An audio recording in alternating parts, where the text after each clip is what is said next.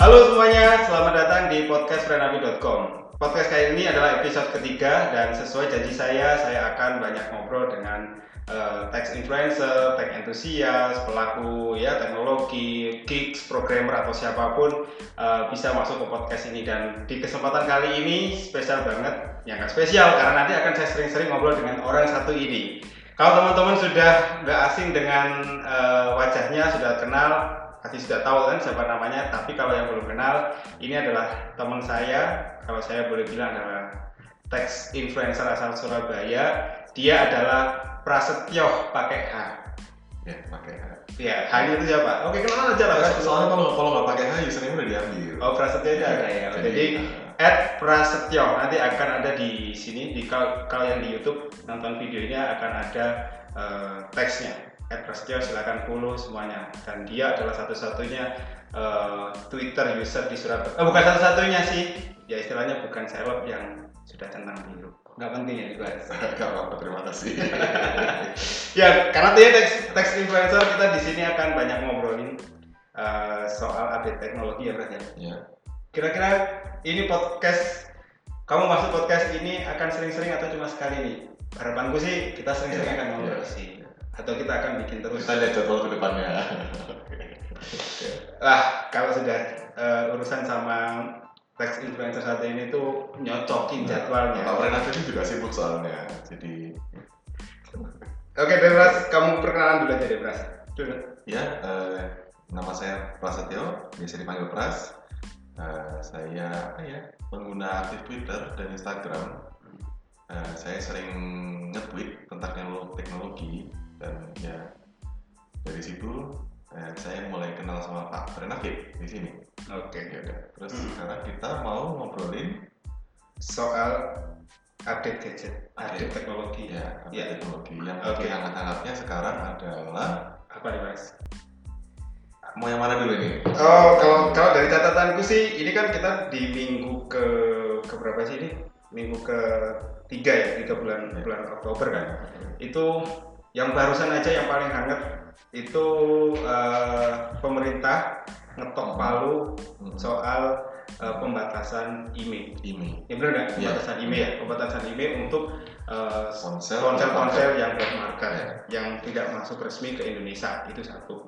Yang kedua ini kalau nggak salah ini sudah dua mingguan dari minggu kedua bulan Oktober ini ramai diperbincangkan yaitu kemunculan smartphone dengan kamera 64 megapiksel. Oh, iya, ini iya, iya. edan-edanan. Sementara kalau kita lihat yang benar-benar uh, yang brand-brand yang level top itu menurutku nggak nggak se booming itu buat wah ini kameraku kayak gini gitu loh. Nggak terlalu balapan mau rilis ah, kamera dengan megapiksel. Nah betul gitu kan. Yang di sini yang kita ngomong di entry level uh, bukan entry level mid range. Ya, mid range sini kok fitur-fiturannya itu ada uh, Xiaomi Redmi Note 8 dan Redmi Note 8 Pro. Yang Redmi Note 8 itu 48 megapiksel, yang Redmi Note 8 Pro itu 64 megapiksel dan ini menariknya dalam jangka waktu satu minggu itu ada pesaing yang gila-gilaan menang yaitu Realme. Realme. Realme, Realme apa Realme? Oh, Realme. Oke, kan teks teks influencer itu saya harus banyak belajar. Oh ya, di sini saya tidak berdua aja, ada uh, teman saya yang di balik layar. Saya berterima kasih banget ke Ed saya Dito. Dia ini yang menyiapkan semuanya sehingga video ini bisa uh, ada, podcast ini bisa ada. Jadi kita bekerja bertiga di sini. Oke, balik lagi ke topik Pras. Kita mulai dari mana dulu nih? Jor-joran kamera 64 megapiksel atau kita ngomongin IMEI dulu nih yang yang anget banget mungkin kita ngobrol email dulu kali. Oke, okay. oke. Okay, kalau ngomongin email, jujur karena uh, saya sendiri tidak seberapa mengikuti, nanti koreksi ya Bras. Okay, Jadi yeah, yeah. Uh, yang saya tahu bahwasanya ini adalah upaya pemerintah untuk um, membatasi peredaran ponsel-ponsel black market yang masuk ke Indonesia. Ya. Yeah. Uh, kalau opiniku ini bagus, tapi saya saya uh, uh, aku pribadi ngelihat di di YouTube apalagi teks influencer yang gede-gede banget kayak ya yang yang biasanya ngejar pokoknya ada handphone muncul Iya. macam-macam itu ini menjadi sesuatu yang kok gitu banget sih gitu loh. Padahal kan sementara kalau kita ngomongin ponsel flagship, contoh misalnya dari Xiaomi, contoh dari apa ya enggak masuk. Yang Nah, contoh yang kayak kamu pakai Google Ya, Pixel. kayak Google Pixel. Nah, itu kan nggak masuk. Indonesia kan? Ya. Itu berarti dalam tanda kutip Google Pixel yang mana ini adalah favorit teks entusias atau penggemar teknologi gitu ya. Eh, itu menurutku kayak kurang. gitu. Oke. Tapi dari sisi mungkin perlindungan ke produsennya itu bagus. Ya. Kalau dari kamu gimana, Pres? Oke, jadi eh, kita kita bahas dulu eh, Ceritanya. perat- peraturannya dulu ya. Ah, iya. Kalau kalau ceritanya sebenarnya eh, peraturan untuk ngeblokir email ini tuh udah ada dari udah bertahun-tahun sih ya kayaknya. Oh, Nah, jadi kayak oh nanti mau diblokir jadi yang nggak resmi eh, sinyalnya bakal nggak ada. Tapi peraturan itu eh, dari tahun ke tahun itu nggak pernah terrealisasi. Sampai akhirnya beberapa bulan lalu eh, Kemenperin eh, bikin situs resmi untuk kita bisa cek email. Mhm. Tapi pun ketika itu sudah terbuat peraturan belum diresmikan.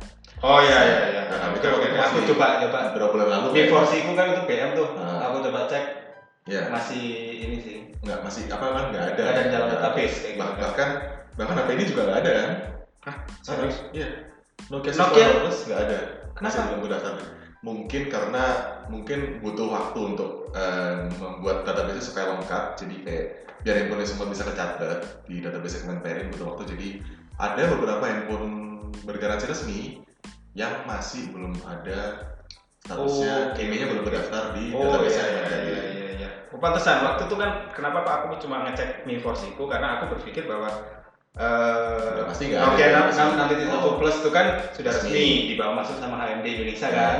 Ya udah, Ya. jadi aku ngecek ternyata. ternyata masih ada beberapa yang Oke, belum resmi nanti yang nanti aku make sure that eh, enggak apa mas itu. Oke. Oke, Oke. jadi website itu sudah up and running tapi peraturannya belum resmi. Hmm. Sampai pada akhirnya tanggal 19 atau 18 kemarin Hmm. eh, ada tiga kementerian yang tanda tangan dan meresmikan peraturan blokir email ponsel PM. Ya dari situ, oh akhirnya resmi juga gitu. Cuman eh, peraturannya ini sebenarnya masih belum belum clear clear banget nih untuk gimana katakanlah eh, WNA nanti kalau ke sini gimana? Oh iya iya iya benar ya, benar. kayak benar. gitu. Ah, Nah, oke, nah, kita kita drop down satu-satu. Jadi eh, sebenarnya apa sih peraturan ini? Mhm. Eh, peraturan ini sekarang tuh masih walaupun sudah diresmikan tapi masih dalam proses apa sih namanya? Review. Eh, ya review dan apa, Judicial review atau kayak ini apa masih kayak masih kayak pemberitahuan. Oh, oke. Jadi, kalau eh, judicial review itu kan kalau ada yang nuntut Iya. nggak suka Eh, gitu. Dan deadline-nya adalah peraturan ini akan berjalan di tanggal 18 April 2020. Hmm. Jadi eh, bagi orang-orang di luar sana yang kemarin beli iPhone 11 Pro di Singapura atau mungkin kayak saya pakai Pixel, eh, untuk semua handphone yang nggak resmi tapi sudah pernah nyambung ke jaringan seluler Indonesia. lokal, eh, katakanlah apa pun operator di sini, handphone mereka kan kena pemutihan, Oh. jadi aman. Gitu. Jadi, Oh, pantesan eh, kemarin saya lihat di storiesnya eh, Mas Ibro Kumar, dia Iya. ngomong, oh buruan borong Iya. iPhone Iya. 11 Pro Iya. Max Iya. dan macam-macam itu ya. ya, jadi sudah aman nah, ya. Jadi kalau misalnya mau beli ya beruan sebelum peraturannya Ketok. banyak sebelum peraturan diketok gitu jadi biar nggak biar nggak ini biar nggak kena pajak Se sebentar, kamu tadi mention bahwa eh, peraturan itu akan diberlakukan ke ponsel baru yang masuk. Ya. Jadi kalau ponsel walaupun baru, baru dan dia tidak masuk ke Indonesia, eh, selama dia sudah pernah istilahnya nyicipin operator Hmm. Indonesia, Iya. lolos. lolos lolos Oke. nah, tapi kalau misalnya kamu beli iPhone 11 Pro sekarang Hmm. terus handphonenya belum kamu aktifasi sampai tanggal 18 April itu nanti nggak lolos jadi eh, Oke. jadi kalau misalnya kalau misalnya di luar sana ada orang yang nyimpen handphone dengan kondisi BNIB Mhm. pastikan untuk handphonenya diaktifasi dulu dibiarkan untuk nyambung ke jaringan operator lokal sebelum Ya. tanggal 18 April. ya supaya nggak ke blokir sinyalnya Oke oke oke oke. Walaupun kalau itu nggak, kan nanti pas kita cek di websitenya Kemenperin yang cek email itu nggak nggak terdaftar, nggak ada Ya. database-nya. Nah, jadi ya oke email sendiri email sendiri adalah eh, di tiap handphone kodenya unik ya 15 digit kamu Mhm. bisa akses dari bintang pagar 06 pagar Kalau Hmm. misalnya handphonemu single SIM akan ada satu IMEI, kalau handphonemu dual SIM akan ada dua IMEI. Oke. Nah, kamu cuma perlu masukin salah, salah satu aja ke website Kemenperin di email.kemenperin.go.id. Oh itu yang untuk dual SIM kita masuk cek Salah satu aja nggak apa-apa. apa-apa, salah satu aja. Nah, tapi kalau misalnya kamu ngecek sekarang dan contohnya kayak Nokia Iya. 619 yang nggak resmi, nggak apa-apa. Cuman kan at least kamu tahu kalau handphonemu kamu beli secara resmi gitu. Ya. Anggap aja Kemenperin lagi ngumpulin database-nya gitu.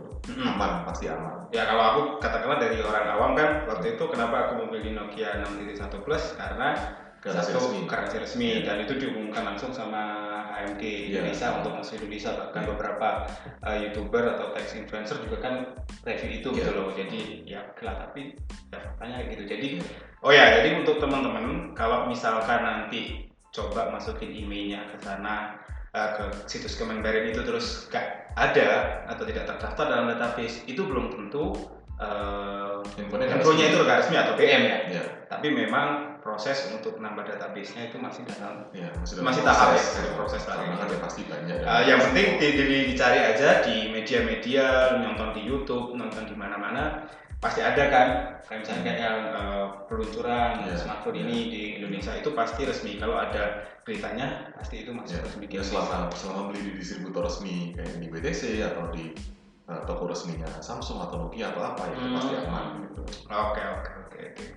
Menarik. Sama sebenarnya sih yang blunder buat saya ya adalah penyebutan kata black market. Karena uh, sebenarnya orang kayak nah, misalnya teman saya nih ke Singapura untuk beli Apple iPhone 11 Pro. Hmm. Mereka kan beli secara resmi gitu. Sedangkan status black market itu nggak tahu kalau sepengetahuanmu kayak gimana. Um, ini posisinya abu-abu sih. Ya. Dari dari pemahamanku yang juga uh, walaupun nggak ngikut ngikutin Ini by the way ini diskusi ya, jadi kemungkinan kami ada salah. Gitu. Nanti kalau teman-teman punya uh, masukan atau ide, kalau yang dengerin di podcastnya bisa langsung komentar, bisa ngasih masukan nanti akan saya atau bacakan. mention ke medsos kita. Ah boleh lah kayak gitu, boleh atau di kalau di YouTube langsung di, di apa di, di komen di YouTube aja kayak gitu. Kalau ngomongin black market itu sebenarnya nggak ada sih. Menurut pemikiran nggak ada smartphone itu yang black market, bener nggak? Kalau menurutku, eh, eh, aku tahu dulu tahunya adalah black market itu adalah ponsel yang masuk ke Indonesia secara ilegal. Nggak kayak lewat kapal, terus diselundupkan tanpa pajak. Pokoknya statusnya agak serem gitu. Lah, tapi pertanyaannya, walaupun dia diselundupkan ke Indonesia, dia kan di sana, katakanlah aku beli di Cina. Hmm. Oke, aku juga kan beli Oh, ke iya. situs res- ke, ke, Oh, iya, ke- iya, ke- benar, ke toko resminya. Kalau yang benar-benar black market ini adalah gini. eh ini nggak tahu ya, ini ini ini lagi-lagi ini obrolan soal black market Iya. dan tidak black market gitu kan.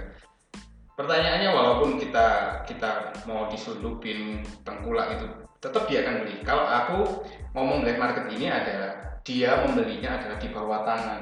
Oh, Oke. Jadi mungkin dia membelinya langsung sebelum ponsel ini di packing dan dikapalkan. Hmm. Ya. Jadi dia kayak eh, istilahnya kalau orang Surabaya bilang itu nyegat di tengah-tengah. Kardusnya nanti dia bikin sendiri, terus ya bukan bikin sendiri, saya bikin bikin tiruannya. Ya walaupun yang yang yang masuk Indonesia yang dalam tanda kutip yang disebut sebagai distributor itu kan juga ada juga yang eh, ponselnya memang beli resmi di di Cina atau apa pun, terus kemudian di mana pun ya, terus kemudian dia dikirim ke Indonesia, kardusnya nyetak di Indonesia. Ada juga yang kayak gitu kan? Ya. Ya, yang yang banyak lah gitu. Hmm. Tapi selama dia belinya di authorized outlet, Ya, auto- menurut itu bisa disebut black market? Ya, itu black market. kayak gitu. Nah, jadi eh, nggak tahu. Yang aku pribadi tangkap adalah eh, media nyebut ponsel BM itu supaya memudahkan kalau ya anggaplah ini ponsel non resmi gitu. Jadi Hmm. walaupun kamu beli di Apple Store Singapura, memang di pemberitaan itu adalah BM. Cuman eh, ya itu kamu memang beli secara resmi gitu loh. Jadi eh, nggak tahu. Menurut, menurutku status BM ini nggak pas. Iya. Tapi paling mudah untuk disampaikan di, di pemberitaan untuk membedakan oh kalau non resmi itu BM gitu. Karena mungkin kalau kalau wartawan nulisnya eh, apa, Oh, walaupun- ponsel tidak apa yang tidak resmi masuk Indonesia itu kan terlalu banyak. Panjang lah. Atau Kalau- kalau misalnya mereka nulis grey market, grey market itu apa? apa tambah malah bingung mending, mending langsung ngomongnya black market Iya. karena ini, ini- ini konotasinya pasti oh ini tuh nggak resmi Iya. gitu loh padahal sebenarnya eh, sependek pengetahuan saya selama kita beli misalnya kayak Google Pixel kita beli resmi di outletnya Google Ya. Store, terus Apple beli di Apple Store atau authorized eh, sellernya itu menurutku Ya, resmi. masih resmi Ah, resmi. kecuali kayak kayak gini ceritanya Eh, misalkan ada orang dari Foxconn yang eh, bikin ini bikin apa merakit atau orang dalam itu kemudian ini tuh barang sudah sebenarnya tidak layak untuk dijual. Hmm. itu beda lagi ya kalau nanti kita ngomong refurbish beda lagi kan. Ah. jadi tidak layak dijual tetapi kemudian ini mau dikapalkan di, di, dicegat di tengah-tengahnya terus ini dipasarkan sendiri. Ta- sebelum kemudian ini diregisterkan ke yang berwenang punya brand. Oke. misalkan kayak iPhone punya Apple. Kan pasti kan kan flow-nya kan kayak gitu. Dari pabrik sebelum dia dipasarkan kan pasti akan didaftarkan dulu Ya. kayak gitu makanya kan kayak Apple itu kita harus ngecek dulu emailnya ini beneran apa enggak Ya. tembus apa enggak kayak gitu kan itu sih kalau misalkan kita cek ke eh, produsennya ini ke situs produsen untuk cek email ini enggak enggak apa enggak valid itu black market. Hmm. bener nggak Bener, walaupun kayak sekarang kayak udah nggak ada kasus email palsu itu. nggak ada Heeh.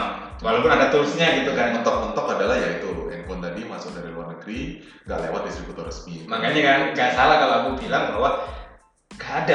Hmm. ponsel sekarang ini black market hanya bagaimana distribusinya aja distribusi ke negara kita ini ya. eh, ah, resmi Ya. apa enggak apakah ada eh, kalau di Indonesia mungkin eh, menurut aku nggak tahu kalau di luar sana itu em, nanti komen aja kalau teman-teman yang sering keluar negeri atau kalau kamu tahu Ras menurutku di luar sana itu negara tidak tidak banyak bukan tidak ada ya, tidak banyak negara itu yang mempermasalahkan apakah handphone yang diperjualbelikan di negara itu resmi apa enggak bener nggak Eh, aku sendiri kurang tahu. Cuman yang aku tahu adalah aku cuma tahu bagaimana eh, distributor resmi perlu apa menyampaikan mengisi standar mereka supaya mereka bisa distribusikan ponsel mereka di sini melalui TKDN. nah Ya. poinnya kan di situ kan Jadi kalau yang di Indonesia itu kalau dia tidak masuk ke Indonesia, tidak ada stempel TKDN, Jadi Ya, tidak bisa resmi. bisa resmi ya. nah kayak gitu kan Ya. intinya kan.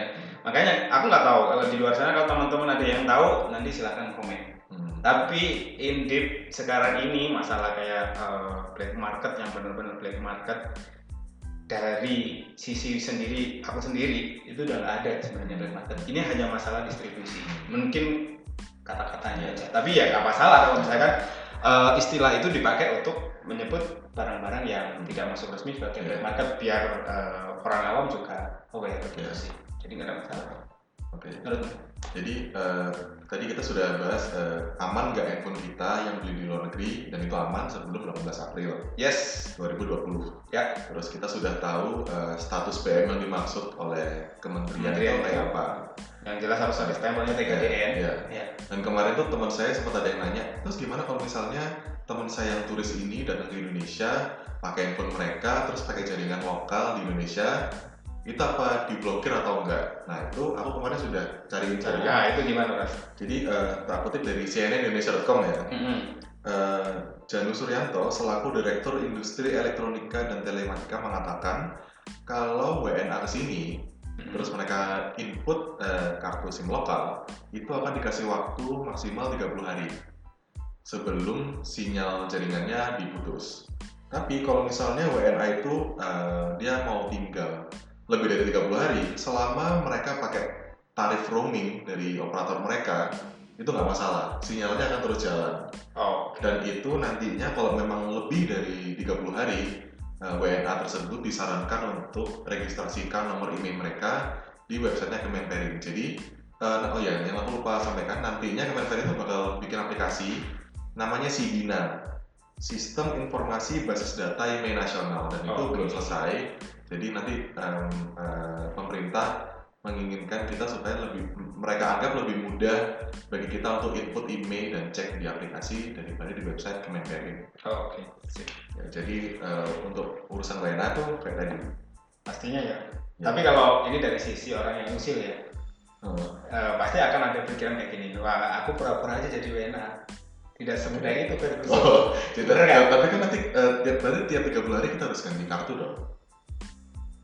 Bisa jadi. Iya, harus ganti kartu dan ya, ya nggak tahu kalau misalnya kalau misalnya kamu mau serepot itu ya silakan. Ya nggak masalah kan, ya. Karena karena memang Oh berarti itu juga jadi jadi solusi buat teks influencer untuk tetap bisa review kan? Ya, tiga mungkin bulan, ya, kan? kalau misalnya mereka mau review ponsel luar ya, nah, Ah, untuk, untuk dalam waktu yang sebentar mungkin itu bisa jadi solusi. bisa bisa karena kan review sebulan Iya. kan udah cukup kan. Dan yang nanti aku sih ngarepnya adalah eh, nggak tahu pasti sih nanti ada caranya nggak tahu entahlah Eh, katakanlah nanti misalnya eh, ada sebuah channel youtuber di Indonesia yang pengen review Google Pixel 4 atau OnePlus 8, OnePlus 8 Pro yang keluar setelah April 2020 Mhm. ya semoga pemerintah ini tapi pasti sih ngasih cara untuk registrasi email mereka. Cuman mungkin dikenakan pajak ya Oke. karena karena kemarin be- eh, aku melihat info dari ada beberapa ada salah satu menteri yang bilang tenang nanti pasti ada sistem untuk untuk kamu bisa meregistrasikan email kamu jadi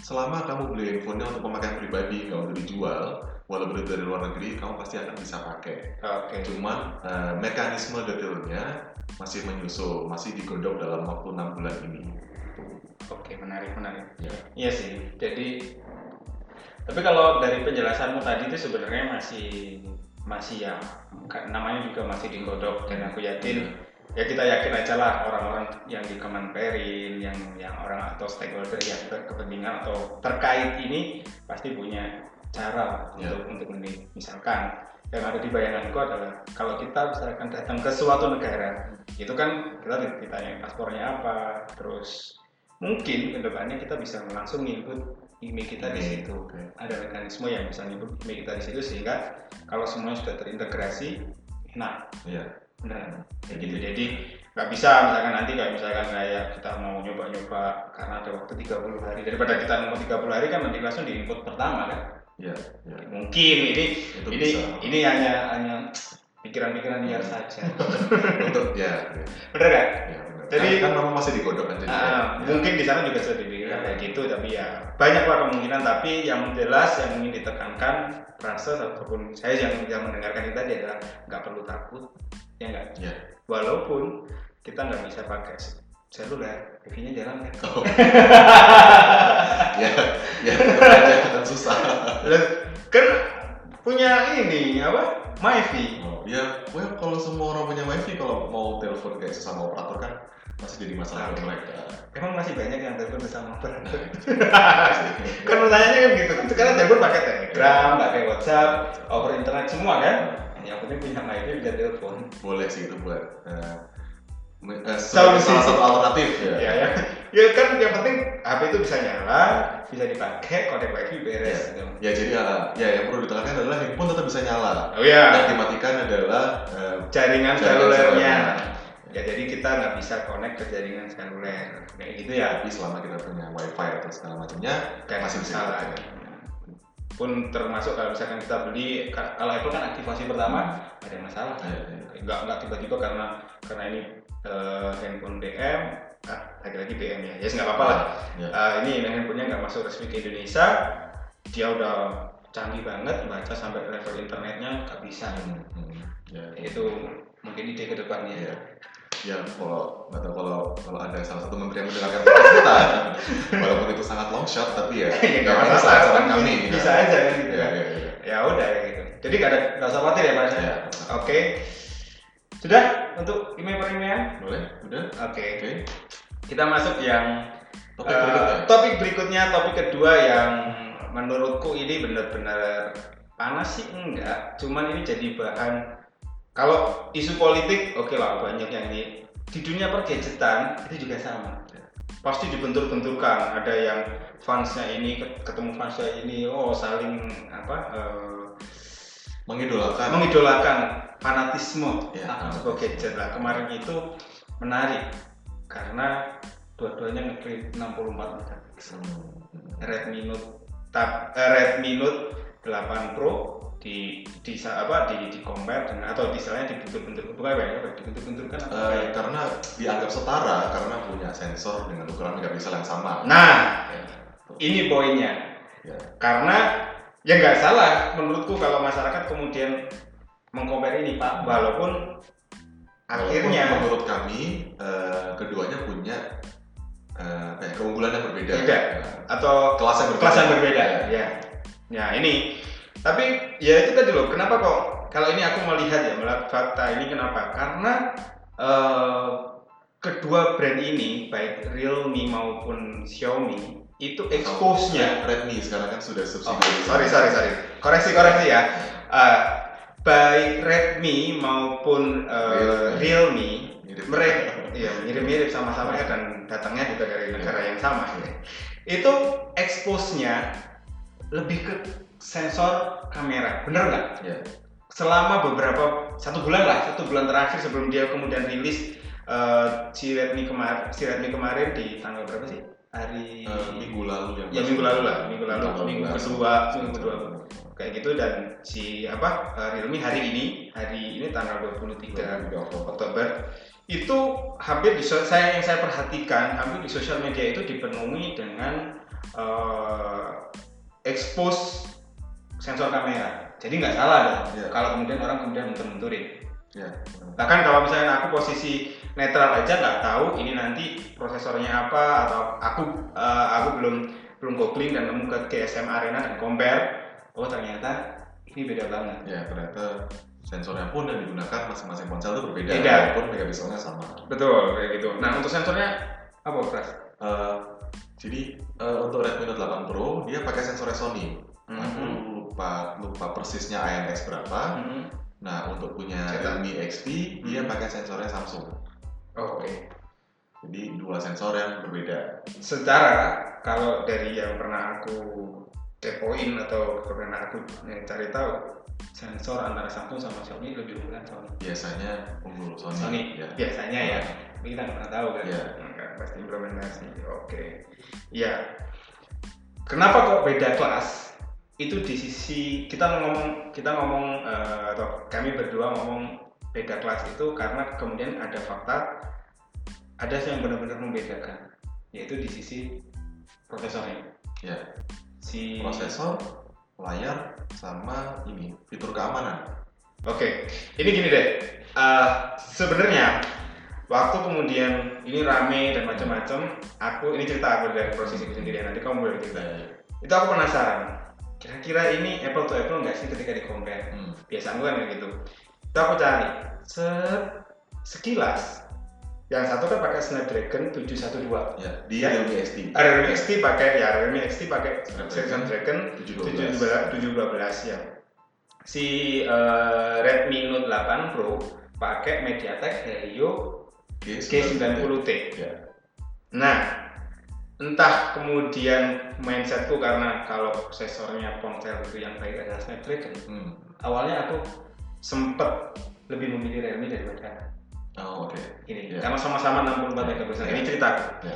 Kemudian eh, aku cari-cari informasi, compare di GSM Arena, lihat reviewnya, ketemu benchmark Antutunya. Ya. Di situlah kemudian aku baru lihat bahwa kelas Redmi Note 8 Pro ini tidak bisa di-compare dengan kelasnya Realme XT. Oke. Ya, Ya, jadi basisnya dari skor Antutu. skor Antutu. Nah, untuk performa ya. Iya, Oke. si nanti aku eh, nanti sambil kamu ngobrol aku cari Iya. detailnya ya.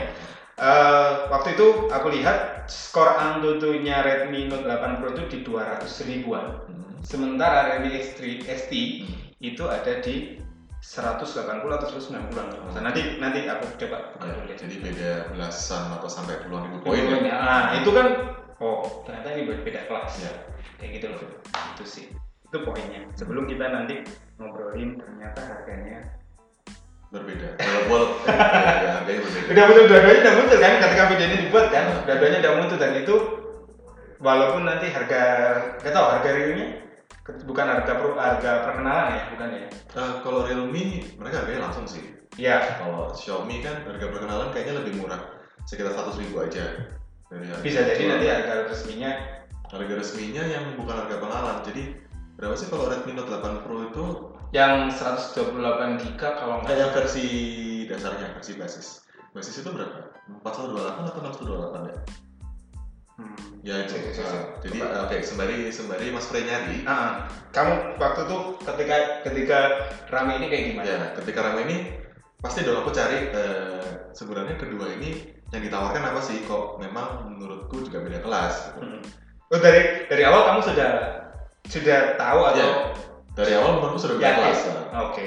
karena nggak tahu walaupun walaupun aku nggak tahu berapa biaya persisnya untuk sebuah produsen ponsel menyematkan sensor in-display fingerprint di bawah layar Hmm. tapi begitu aku tahu kalau Realme XT pakai in-display fingerprint sedangkan Redmi Note 8 Pro belum oh beda kelas Nah, itu juga kalau kita ngomongin in display dan layarnya yang Realme XT sudah pakai AMOLED, ya sudah pakai AMOLED itu yang tadi saya mention bahwa sempet aku tuh geser. Hmm. Sudah dari awal eh, ya sebagai sebagai peng, apa peng- penggemar teknologi biasa ya yang bukan tech Ya. influencer yang update banget. Ya. Dengar kata MediaTek dan Snapdragon pasti pilihnya Snapdragon. Hmm. Bener kan? Betul. Walaupun kemudian kita harus harus selanjutnya yang yang Ya. tahu benchmark dan Ya, macam. ya. itu udah kayak gitu next aku baca di GSM Arena set untuk di screen udah AMOLED Ya. yang ini masih IPS IPS. Ya. kok kayaknya Realme X3 mau tak Ya. tweet itu pras Oh, oke ya memang memang memang sebegitu bedanya nah lanjutkan deh itu jadi Ya. dua dua itu sudah ya secara kan eh, teknologi apa eh, rear ya ya Rear rear fingerprint sensor itu- udah lama uh, so yesterday lah Nah, ini. Walaupun eh, saya sering sih eh, memanfaatkan sensor ini untuk geser notifikasi. ya, Ya, sama Kalau sama misalnya handphone kita besar, agak susah kan untuk menjangkau notifikasi di betul atas. betul betul betul, betul. Dan fitur itu mungkin akan hilang ketika kita sudah pakai display fingerprint di Realme XT yang nggak ada sensor fingerprint di belakang. oke. Tapi memang jadinya handphone itu menurutku jauh lebih cakep sih. Walaupun ini selera ya. hmm, saya menurutku- desain ya. ya menurutku Realme XT itu lebih lebih understated. Jadi kayak ya udah kamera di sini terus sisanya polos itu nggak ada sensor fingerprint. Ya jadi eh, beda beda CPU walaupun nah untuk untuk CPU ini aku juga ngecek beberapa reviewer di India karena mereka kan sudah tersedia lebih dulu, dulu, jadi mereka bisa review satu-satu dan mereka bisa compare keduanya. Eh, dari yang aku lihat-lihat untuk performa gaming sebenarnya nggak jauh beda. Walaupun mungkin ketika kamu main PUBG Mobile terus dengan grafis visual yang paling tinggi Hmm. pasti eh, Redmi Note 8 Pro dengan prosesor yang memang dibuat untuk gaming akan lebih smooth. Cuman eh, dari beberapa reviewer yang aku tangkap nggak segitu jauh berbeda gitu. Dan eh, untuk masalah efisiensi daya Snapdragon 712 ini sudah pakai fabrikasi 10 nanometer dan MediaTek Helio G90T 12 ini nanometer. 12 nanometer.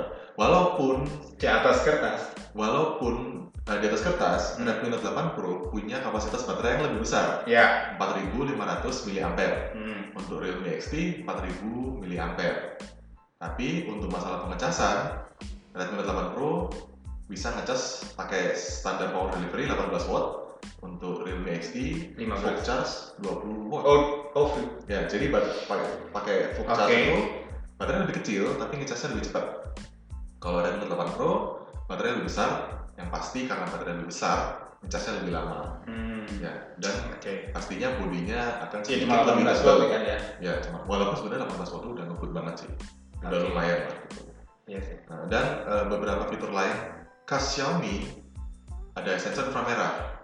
Hmm. sensor inframerah ini menurutku sama seperti NFC kenapa? Gitu. Eh, ketika aku pakai HP yang nggak ada NFC-nya ya aku bisa menyesuaikan. Katakanlah ketika aku mau masuk tol aku tap kartu e-money ada sisa saldo aku catat di HP tapi ketika aku pakai Pixel dengan sensor NFC Iya aku jadi lebih sering isi e-money lewat eh, salah satu e-commerce. Iya. Terus jadi kayak ngelupain sisa saldo e-money karena aku bisa tap aja dari sini gitu. Nah untuk inframerah eh, dulu dulu dulu terakhir tuh pakai Xiaomi itu Redmi Note 5 itu ada sensor inframerah. Kalau ada kalau aku pakai HP yang ada sensor inframerahnya remote TV di rumah kalau jatuh di bawah kasur gak pernah ambil karena ada HP nah tapi kalau nggak ada ya udah nggak apa-apa ya nggak ada gitu ya itu menurutku dari apa fitur tambahan yang ada di Redmi Note 8 Pro sebenarnya bukan mandatori banget. Ya kayak NFC sama eh, apa eh, Sensor infra inframerah. infra tuh ya ya kayak ada yang dipakai apa sebutannya beam blaster. IR blaster ya ada dipakai nggak ada ya udah. Kalau Hmm. NFC mungkin uh, memang pengaruhnya ke kita kita yang tinggal di kota besar yang di mana butuh kartu e-money lebih sering Oke oke. kalau di kota-kota kecil kayaknya tidak akan mempermasalahkan itu Oh, oke menarik menarik menarik. Jadi kamu uh, pilihanmu ke mana? sebentar, selisihnya berapa ya Oke, ini aku buka harga perkenalan yang untuk yang seri, seri paling tinggi yang Iya. eh, Redmi Note 8 Pro yang 6 6 6 12 GB itu di 3 399.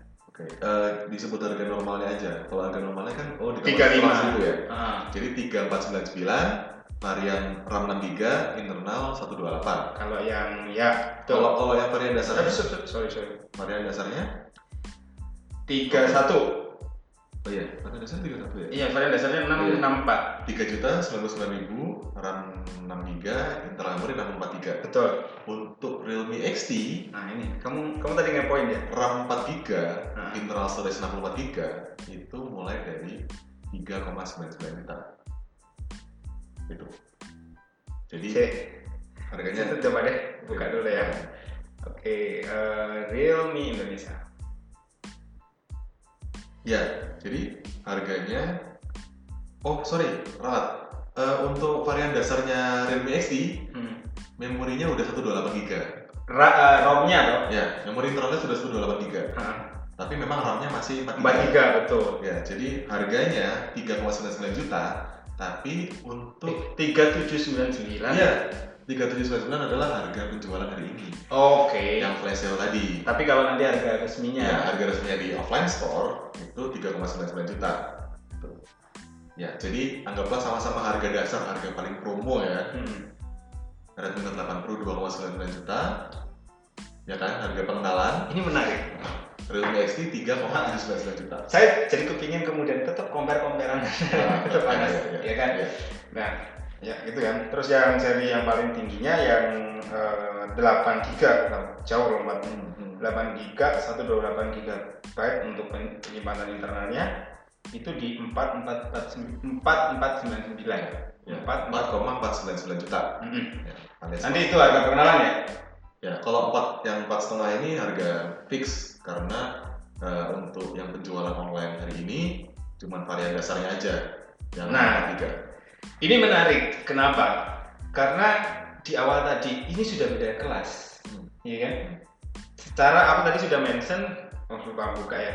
Benchmark Antutunya, oh aku tweet kalau nggak salah. Benchmark Antutunya jauh lebih unggul dari lebih unggul Redmi Note 8 daripada Realme XT. Ya, Bener nggak? secara benchmark. Secara benchmark Antutu Ya. nih, ya. Eh, nah, berarti kasat mata atau ya realnya atau kalau orang-orang orang eh, normalnya menganggap bahwa Redmi Note 8 Pro lebih bagus daripada Realme XT. Ya. Bener nggak? Bagi jemaah atau dia. Ya?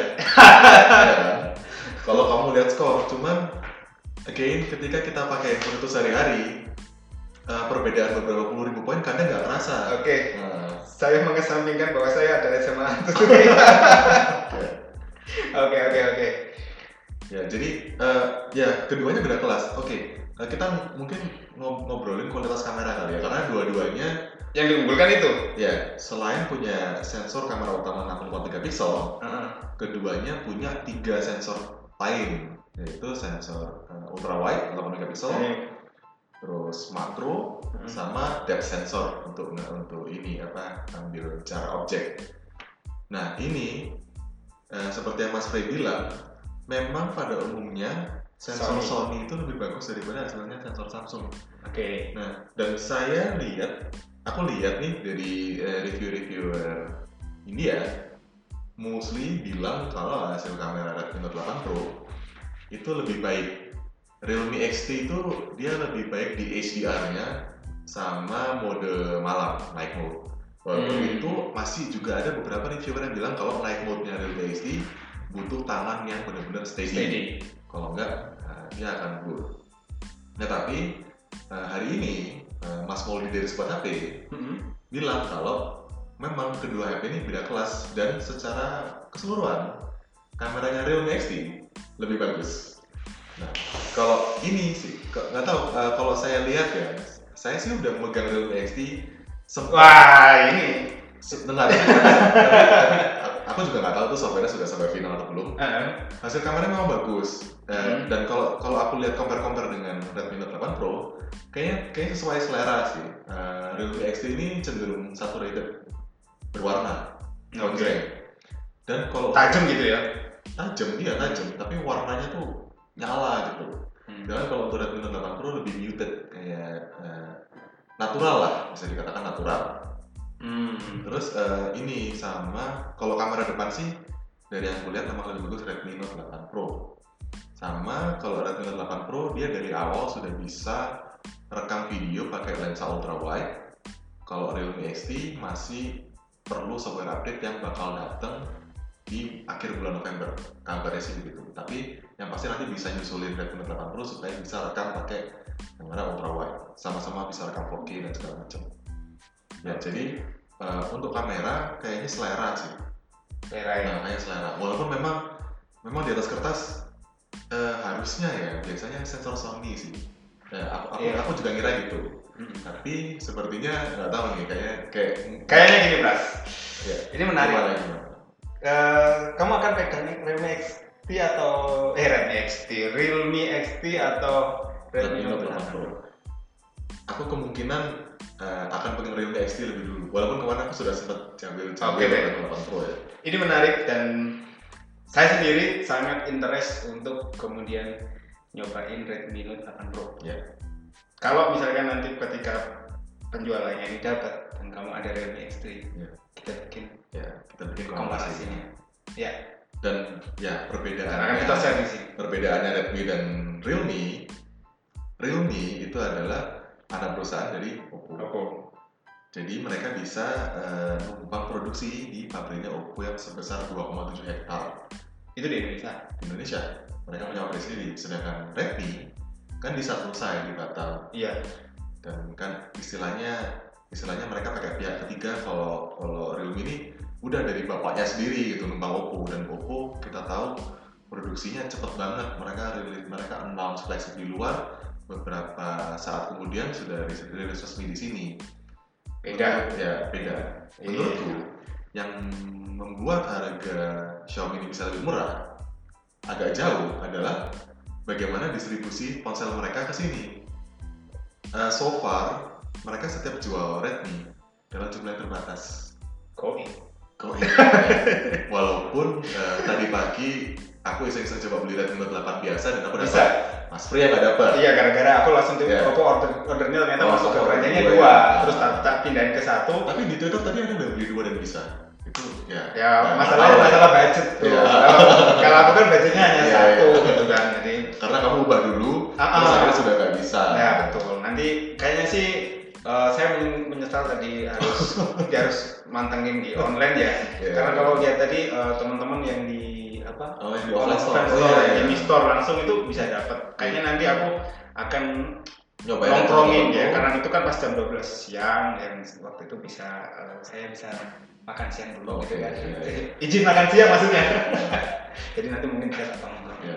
Dan harapanku Pras ya, doain nanti teman-teman yang nonton ini doain eh, karena ini nanti kan publish hari Senin, rilisnya Redmi Note kan hari Selasa tuh. Oh iya. Ya. Nanti doain Untuk Eh, besok Redmi Note 8 Pro. Iya. Ini penjualan online-nya. eh, Oh. semuanya kan. Oh iya, oh iya, Juga, sama kan? juga ya. Nah, kan itu hari Selasa kan jam 12 Iya, siang. iya, tuh. iya. Tahu karena itu bikin reminder. Oke. Oke. Karena aku aku jujur kalau disuruh milih antara antara eh, Redmi Note 8 Pro sama Realme X3 karena aku zaman tuh ya Hmm, berdasarkan oke. nilai gitu ya. karena belum pegang kan Iya. apalagi kalau kalau nggak nggak istilahnya Iya, kalau kamu tadi kan udah namanya teks influencer ya deket sama yang lainnya Iya, Tapi kan aku juga belum punya Redmi Note 8 Pro lama-lama. gitu. oke Jadi eh, dari dari dari waktu singkat yang aku coba Mm-mm. dan nggak tahu karena aku sudah spoil dengan layar AMOLED ya, kayak susah aja balik ke IPS.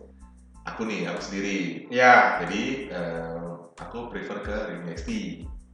Tapi kalau misalnya ada orang yang memang budgetnya nggak sampai 4 juta, memang 3 jutaan, ya nggak ada salahnya pilih Redmi Note 8 Pro karena memang eh, price to performance itu bagus banget. Itu Bahkan punya sensor yang lebih lengkap dari daripada Realme XT. seperti NFC dan. Nah, inframerah sih not, not mandatory sih sekarang sih. Aku NFC-nya itu. NFC-nya ya. ya. Jadi ya, ya ya oke deh nanti eh, semoga besok ya karena ini kan hari Senin Ya. besok saya bisa dapat Redmi Note 8 Pro kamu bisa kamu beli ini aja Apa XT. nih? Biar kita bisa compare. Nah, langsung kita compare, kita akan share di sini ya, kayak gitu nanti nanti hasilnya kayak gimana kita pakai dulu selama seminggu atau kayak gimana, Iya. terus kita ketemu outdoor atau di mana kita foto bareng atau kayak gimana lah. Ini intinya kan ini kan project awal-awal kan. Iya, iya. Kamu mau kan project ini terus-terusan? Oh, Oh, iya. iya. Project apa nih?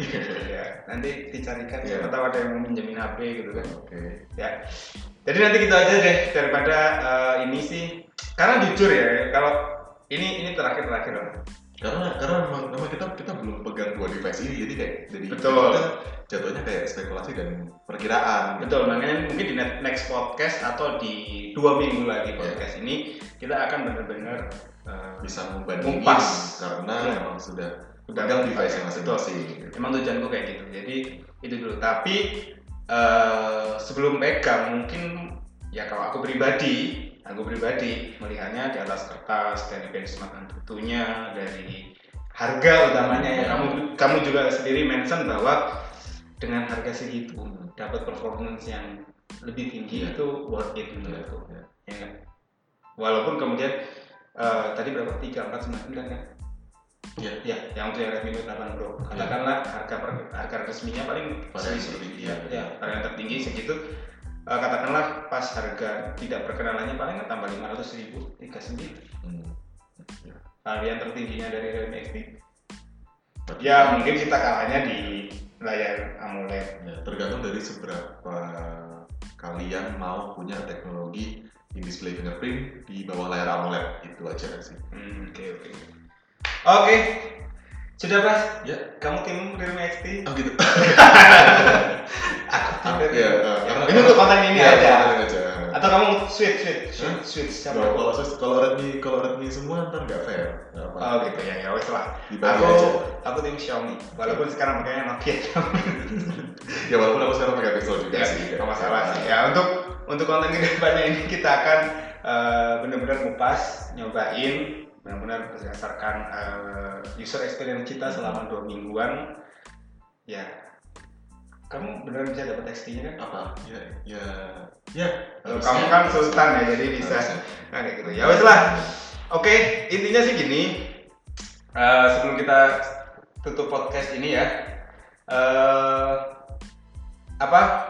em, sebelum kita memilih handphone, ini ini ini ini dari pengalamanku ya, nggak ada salahnya kita compare compare dulu. Hmm. Jangan hanya kemudian fanatis buta, kemudian lihat, oh ini nampak nampak, kemudian dengan seenaknya Ya. ngomong, Iya. channelnya Judit ngomong Ya. ini, ini kayak gini, Iya. ini harus Iya. uh, teman. Spesifikasi Bahkan sorry ya, Oh, sampai oh. tadi aku sempet nongkrongin eh, live Instagram story, eh, Instagramnya eh, peluncuran Realme. Itu kan juga banyak Iya. banget netizen Iya. yang ngomongin dan spamming soal Iya. itu di, di, di tetap di, di apa dibentur-benturin sama Redmi Note Note 8 Pro. 8 Pro gitu. Sebenarnya nggak kayak gitu juga. Sebenarnya kalau kita mau benar-benar lebih detail ya seperti Prase ya punya teman-teman banyak yang sudah nyobain dulu bisa saya dikit pak.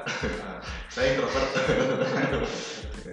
dikit tapi berkualitas gitu loh yang bisa kemudian mendatangkan banyak gadget kan itu bagus daripada saya banyak tapi Iya. Apa nih? Enggak, tapi enggak, enggak, enggak, enggak, kayak gitu. Kita kita fokusnya adalah mau nyari dulu. Tadi Prasnya juga mention, dia cari dulu review-review dari India yang mana dia dapat dapat lebih dulu. Ya. Bener nggak? Iya. Terus aku juga nggak percaya browsing dulu di GSM Arena. Intinya gitu dulu deh. Ya. Daripada kita energi dibuang untuk julid, Ya. kayak gitu. Tapi kalau nanti pengen tahu pendapat kita tentang dua gadget ini, Re- Redmi Note 8 Pro dan juga Realme XT, doakan. Fingers ya, fingers cross kita bisa bikin komparasinya nanti. Artinya apa Pras? Semoga semoga bisa. Oke. Semoga kesampaian. Sebuah kesampaian ya. Nah, Kalau semoga, enggak, semoga Note 8 Pro yang gak goib. Ya, semoga aku jadi Redmi XT ya. ya.